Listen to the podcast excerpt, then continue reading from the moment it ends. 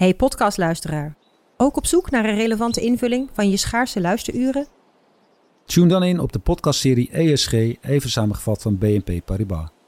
Wij, Marloes en Aldert, spreken daar duurzame voorlopers en wereldverbeteraars. Waarover dan? Nou, bijvoorbeeld of we ooit duurzaam kunnen gaan vliegen. En waarom koeien in de stad nou een goed idee is? Dat en meer elke twee weken in een nieuwe aflevering. Dus abonneer je. ESG, even samengevat. Al 125 jaar kwaliteit voor jou thuis met Miele. Dat vieren we met jou. Ontvang nu tijdelijk een cashback tot 125 euro op veel Miele-apparatuur. Geniet van de kwaliteit van Miele. Voor perfect verzorgd wasgoed en kleding die veel langer mooi blijft. Voor een stralend schone vaat, even perfect als jouw diners. En een stofvrij thuis waarin echt hygiënisch schoon de standaard is. Check miele.nl voor alle feestelijke aanbiedingen.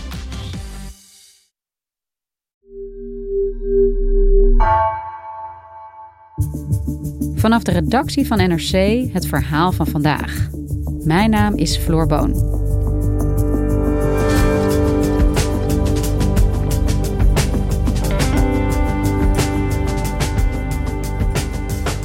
Jaarlijks maken duizenden Senegalezen de oversteek naar de Canarische eilanden.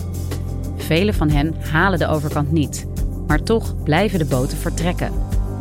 Correspondent West-Afrika Eva Oude-Elverink ging naar Fasboy, een kustplaats in Senegal, en vertelt waarom de bevolking de gevaarlijke overtocht vaak als enige uitweg ziet.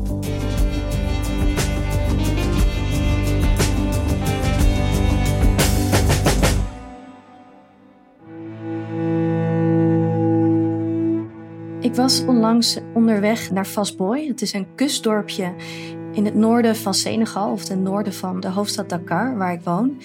En net voordat we dat dorp inkwamen, moesten we een soort van omweg maken, omdat er over de hele weg verspreid nog eigenlijk een beetje de zwart geblakerde resten lagen van uh, barricades die daar waren opgetuigd. Want het is recent heel onrustig geweest in Vasboy, wat normaal echt een heel, heel rustig, slaperig vissersdorpje is.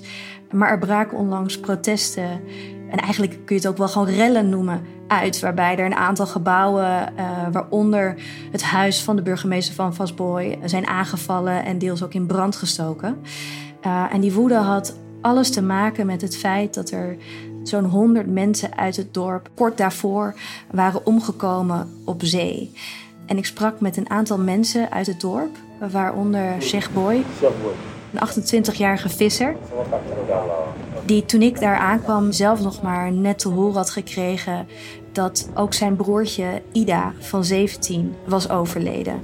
En ik sprak hem met behulp van een tolk op het strand van Vasboy, uitkijkend over de zee waar zijn broertje vandaan is vertrokken.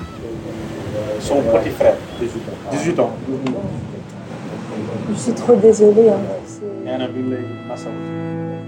En naast zijn broertje Ida verloor Sheikh Boy nog veel meer mensen. In totaal had hij het over 30 familieleden, eh, vrienden, bekenden die hij op deze scheepsramp is verloren.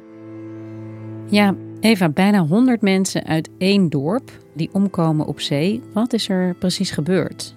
Er is begin juli een boot met 101 uh, inzittenden vanaf die kust vertrokken. Met als doel om de Canarische eilanden te bereiken. En eigenlijk daarmee om Europa te bereiken. Die boot is alleen op drift geraakt. Uh, het brandstof raakte op. Uiteindelijk, één maand en vijf dagen nadat ze waren vertrokken, is het bootje uh, gevonden door een andere boot. En op het moment dat dat bootje dus werd gevonden, waren van de 101 oorspronkelijk opvarenden waren er nog maar 38 in leven, uh, waaronder vier kinderen. En verder waren er aan boord nog zeven lichamen. Uh, maar de rest hebben ze ja, gedurende die afschuwelijke reis, wat het uiteindelijk is geworden, overboord moeten gooien nadat zij uh, ook overleden. En toen dit nieuws uiteindelijk terugkwam in Fastboy, toen mensen hoorden wat er met hun, met hun geliefdes, met hun zoons, hun broers, hun ooms, hun buren is gebeurd, zorgde dat voor enorm veel, veel woede en dus ook protesten. En toen ik daar uh, in dat dorp rondliep, het was dus een paar dagen eigenlijk nadat dit nieuws bekend was geworden, ja, dan voelde je, je voelde die boosheid en die pijn echt in ieder gesprek En dit is ook zeker niet het eerste drama dat we zien hier op deze route op de Atlantische Oceaan. En waarschijnlijk ook zeker niet de laatste, want de afgelopen jaren zijn er vanaf de West-Afrikaanse kust en zeker ook uit Senegal veel boten deze kant op vertrokken. En met name dit jaar zien de autoriteiten echt vanuit Senegal vooral een grote stijging van mensen die proberen te vertrekken. Volgens de Internationale Organisatie voor Migratie van de Verenigde Naties, het IOM, zijn er alleen dit jaar minimaal 422 mensen omgekomen. En zij zeggen ook echt van ja, dat is minimaal, moet je ook echt als minimaal zien. Want dit zijn de gevallen die we hebben kunnen vaststellen van, van boten inderdaad. Die zijn gekapseist, van lichamen die zijn teruggevonden. Maar niemand weet precies hoeveel boten die letterlijk op zee verdwijnen, waarvan nooit meer wat wordt vernomen.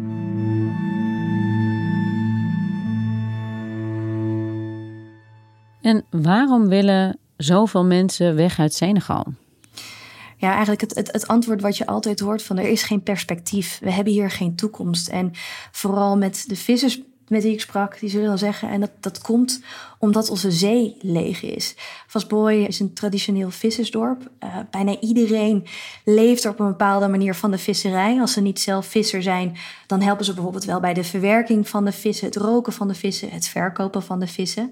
Verder is een beetje landbouw, maar echt alles is toch wel gericht op de zee. En dat, nou ja, dat, dat ruik je zelfs als je in het dorp bent, omdat de zee natuurlijk, die zilte lucht, die hangt overal.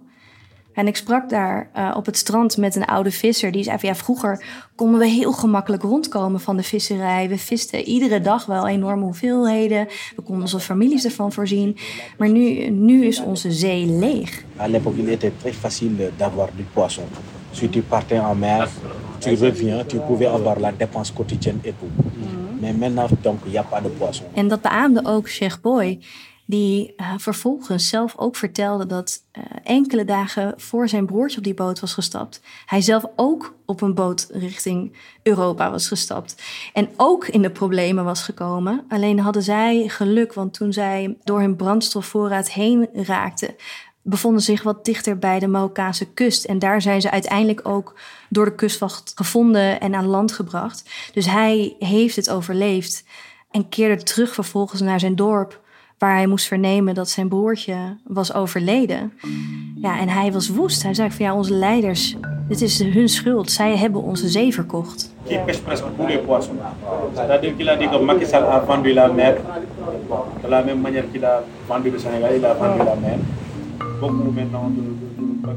En wat bedoelt hij daar precies mee? Dat ze de zee hebben verkocht? Die zee die wordt leeggevist, zeggen zij, door grote industriële boten. Dat zijn boten die deels afkomstig zijn uit Spanje en uit Frankrijk, die hier zijn onder een visakkoord dat de EU heeft gesloten met Senegal. Maar dat zijn ook boten met een Chinese, Turkse of zelfs nou, Russische namen die varen onder een Senegalese vlag. En je zegt er is een akkoord met de EU om ja, die zee te bevissen. Dus dat is ook gewoon met toestemming van de Senegalese regering. Ja, dat klopt. Dus dit akkoord dat is in 2014 gesloten. En dat gaat om uh, ja, het mogen vissen op tonijn en zwarte heek specifiek. En in ruil daarvoor krijgt Senegal 1,7 miljoen euro per jaar. En ik sprak hier ook over met uh, Abdul Karim Sal. Hij is de voorman van een lokale organisatie voor traditionele vissers in Senegal. En hij vertelde dat die boten dan misschien wel alleen op tonijn en zwarte heek mogen vissen. Maar omdat het van die grote industriële boten zijn en daarbij ook hele grote sleepnetten gebruiken, er natuurlijk veel meer vis mee komt. En nou ja, die vis die, ze dan, die dan geen tonijn en zwarte heek is, die gooien ze vervolgens overboord. Maar die vis is dan dood en daar kunnen zij vervolgens niets mee. Maar het zijn niet alleen de traditionele vissers die zeggen dat de zee is overbevist. Er zijn in de afgelopen twee, drie jaar zijn er ook rapporten uitgekomen van bijvoorbeeld de Voedsel- en Landbouworganisatie van de VN, de FAO, waarin ze waarschuwen dat de West-Afrikaanse kust zwaar overbevist is geraakt. En dat ze adviseren om eigenlijk veel minder te gaan vissen. Ja, en dit is een akkoord met de EU, zoals jij dat vertelde, waarbij Europese boten naar de Senegalese wateren komen. Maar je noemde net ook een paar andere landen, zoals Rusland en China, die daar komen vissen. Hoe zit dat? Nou ja, als je traditionele vissers mag geloven, die deze boten regelmatig tegenkomen op zee, gaat het vooral om, om boten met Chinese namen. En dat zijn boten die, zoals de vissers dat noemen, gesenegaliseerd zijn. Dus dat zijn buitenlandse boten die toch in Senegal een licentie hebben gekregen of een visvergunning hebben gekregen, omdat ze samenwerking zijn aangegaan met een Senegalese partner. Dat volgens de regels eh, dan meer dan 51% van de aandelen heeft. En daarmee is die boot dus eigenlijk Senegalees geworden.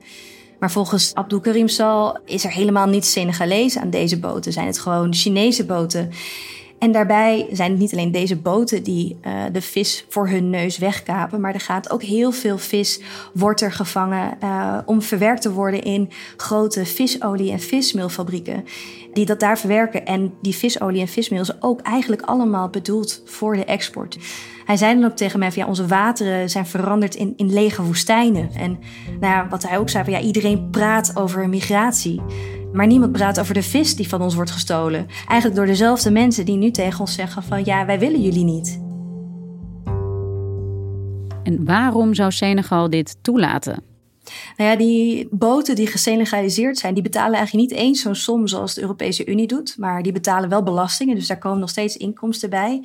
En ja, voor de Senegalese regering is het ook gewoon belangrijk om verschillende industrieën in hun land op, op gang te krijgen. Om niet alleen maar aangewezen te zijn op uh, nou ja, bijvoorbeeld op landbouw of op andere kleinschalige sectoren die er zijn.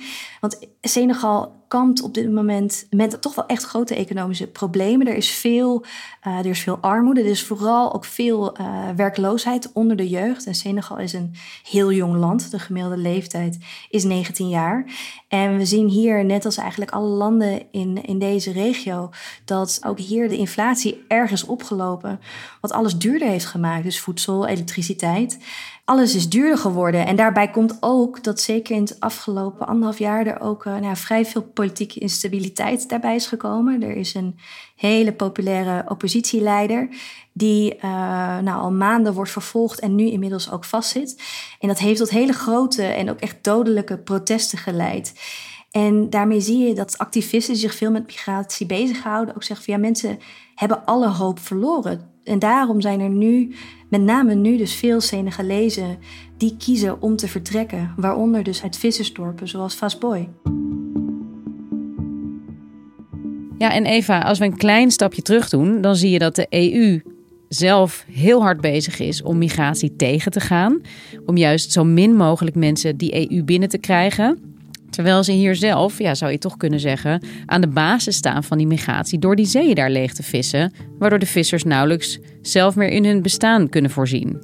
Ja, er zit inderdaad iets heel wrangs. De, de Europese Unie geeft tientallen miljoenen euro's uit om migratie uit Afrika en onder andere ook Senegal tegen te gaan. Maar ja, tegelijkertijd hebben we ook gezien dat alleen al in de afgelopen twee, drie maanden er een hele grote piek is geweest van mensen uit Senegal die heeft geprobeerd om Europa te bereiken. Deze migranten uit Afrika zijn net aangekomen in Europa. Niet in Italië of Griekenland, maar op de Canarische eilanden. Die route wordt steeds populairder. Vorige week kwamen er op één dag meer dan duizend mensen aan. More than 60 people are feared dead after a boat capsized off the coast of Cape Verde. At least 17 bodies have been recovered after a boat believed to be carrying migrants and refugees capsized off the coast of the capital Dhaka on Monday. According to aid group Walking Borders, almost 800 people have died or gone missing on the route in the first half of 2023. En dat geeft wel aan dat mensen ja, wanhopig zijn om te vertrekken. En de EU wil daar tegen optreden. Dus er was, uh, kort daarvoor was er een bezoek van een, een, delegatie van de Europese Commissie aan Senegal. En die gaat ook naar Mauritanië en Guinea en Ivoorkust. Om afspraken te maken. En eigenlijk is dat vooral gericht op de wens van de EU om Frontex, dus het Europese grensbewakingsmechanisme, ook in deze landen uh, actief te laten zijn. Nou, en mensenrechtenorganisaties hebben daar dus hele grote bezwaren tegen. Met, ja, vooral met oog natuurlijk op de schendingen die we hebben gezien op de Middellandse Zee. De pushbacks waar Frontex zich schuldig aan heeft gemaakt. Ja, en dan is er ook kritiek dat al dat EU-geld dan naar Frontex zou gaan. In plaats van, nou zou dat geld niet veel beter uh, in de landen zelf besteed kunnen worden? En hoe kijkt de regering van Senegal hier zelf naar? Zeker is wel dat migratie voor de Senegalese regering een heel lastig onderwerp is. Want ja, zij weten eigenlijk ook wel dat er veel onvrede is. Dat mensen hun heil elders proberen te zoeken omdat er hier gewoon niet genoeg werkgelegenheid is. En tegelijkertijd betekent ook dat degene die het wel halen, die wel in Europa terechtkomen. Ja, dat zijn mensen die heel veel geld, of veel geld, maar in ieder geval die geld terugsturen naar Senegal. Dus er is eigenlijk ook een belang bij, toch voor de Senegalese regering, om hier ook weer niet al te hard tegen op te treden. En dat doen ze wel. Dus er zijn natuurlijk zeker ook patrouilles langs de Senegalese kust. Uh, er is recent nog een, een dodelijke kapseizing geweest van een boot uh, met migranten vlak voor de kust van Dakar, eigenlijk om de hoek van waar ik woon. Daarna heeft de regering een vijf-stappenplan gepresenteerd met hoe zij migratie zouden gaan stoppen. En daar stond eigenlijk ja, heel weinig nieuws in. Dus het ging vooral over nou, betere grensbeveiliging, het stoppen van, uh, van smokkelaars, maar ook uh, ja, het begeleiden van migranten die weer terugkeren. Maar ja, dat soort, zoals de, de activisten die veel werken met migranten tegen mij zeiden: van ja, dit is niks nieuws. Dit is hetgeen wat ze eigenlijk al jaren zeggen. En waar tot nu toe gewoon heel weinig van terecht is gekomen. En tegelijkertijd zien we ook dat het ministerie van Visserij, of de minister van Visserij, onlangs nog in diezelfde maand uh, van het drama van de boot in Vasboy drie nieuwe licenties voor industriële vissersboten heeft uitgegeven. Dus ook daar stopt het niet. Ja, want Eva, dit wat jij noemt, hè, dat klinkt ook wel een beetje als de padstelling die hier ontstaat. Want uh, Senegal verkoopt zelf eigen territorium. Hè, die doet de zee in de uitverkoop, waardoor er geen vis meer is, waardoor mensen vertrekken. Ik kan me wel voorstellen dat Senegalezen daar ook boos van worden. Hoe reageren mensen zelf? Fastboy is daar eigenlijk het, treurige voorbeeld van. De mensen die ik daar sprak zeiden van dat ze al jaren, of die vissers, dat ze al jaren alarm proberen te slaan bij de autoriteiten over dus die boten die nou ja, niet alleen hun zee leegvissen, maar ook veel zich niet eigenlijk aan de regels houden. Zeggen ze komen veel dichter bij de kust als ze zouden mogen, waardoor niet alleen hun vis opraakt, maar ook hun eigen boten en netten beschadigd raken. Maar daar werd niks mee gedaan. En dat zorgt ervoor dat al die mensen op, op boten stappen, zoals dus recent ook gebeurde. En toen mensen op die boot waren gestapt en zij, de achterblijvers, na een aantal dagen, volgens mij na tien dagen, zei ze niks hadden vernomen, hebben ze ook op dat moment ook weer alarm proberen te slaan. Onder andere bij NGO's die zich hiermee bezighouden. Omdat die overtocht normaal zeven tot nou ja, misschien maximaal tien dagen zou moeten duren. Maar omdat ze daarna nog niks van hun hadden vernomen, vrezen ze al dat er iets niet goed was gegaan. En voor hun gevoel is daar helemaal niks mee gedaan. Tot uiteindelijk ja, die boot is teruggevonden, een ruime maand later. En dat zorgt ervoor dat er nou ja, veel woede is, veel frustratie, maar ook dat mensen zeggen van ja, dit zal niet mensen stoppen om het nog een keer te proberen. Zelfs Sheikh, met wie ik sprak, die net zijn jonge broertje was verloren, die rouwde om zijn jonge broertje, die zei uh, zo weer, als hij de kans zou krijgen, dat hij dan zo weer zou vertrekken. Wat ook meespeelt, wat ook echt een hele belangrijke factor is, is dat er ook veel sociale druk is vanuit de gemeenschap. Omdat er mensen zijn die het wel halen en die er vervolgens in slagen om geld terug te sturen naar hun families. En dat, dat zorgt ervoor niet alleen dat vooral onder jonge mannen er een, een, een druk is om het te proberen, maar ook dat wanneer het niet is gelukt, dat eigenlijk als een falen wordt ervaren en, en ze dat proberen goed te maken, dus weer willen vertrekken. En hij nam me mee op een gegeven moment naar zijn huis. En daar kwamen ook veel mensen tegelijkertijd met mij binnen uit het dorp om hun steun te betuigen vanwege het overlijden van Ida. En de vader van Sheikh vertelde ook dat ja, het was een hele, hele goede jongen die gewoon voor de familie wilde zorgen. En hij wist, toen hij vertrok, zei hij ook dat we ons geen zorgen hoeven te maken. En hij wist dat er veel mensen op hem rekenden. En dat gevoel van de 17-jarige jongen die de, last eigenlijk voelt van het moeten zorgen voor zijn familie, zorgt ervoor dat, dat jongens zullen blijven vertrekken. Dankjewel Eva. Graag gedaan.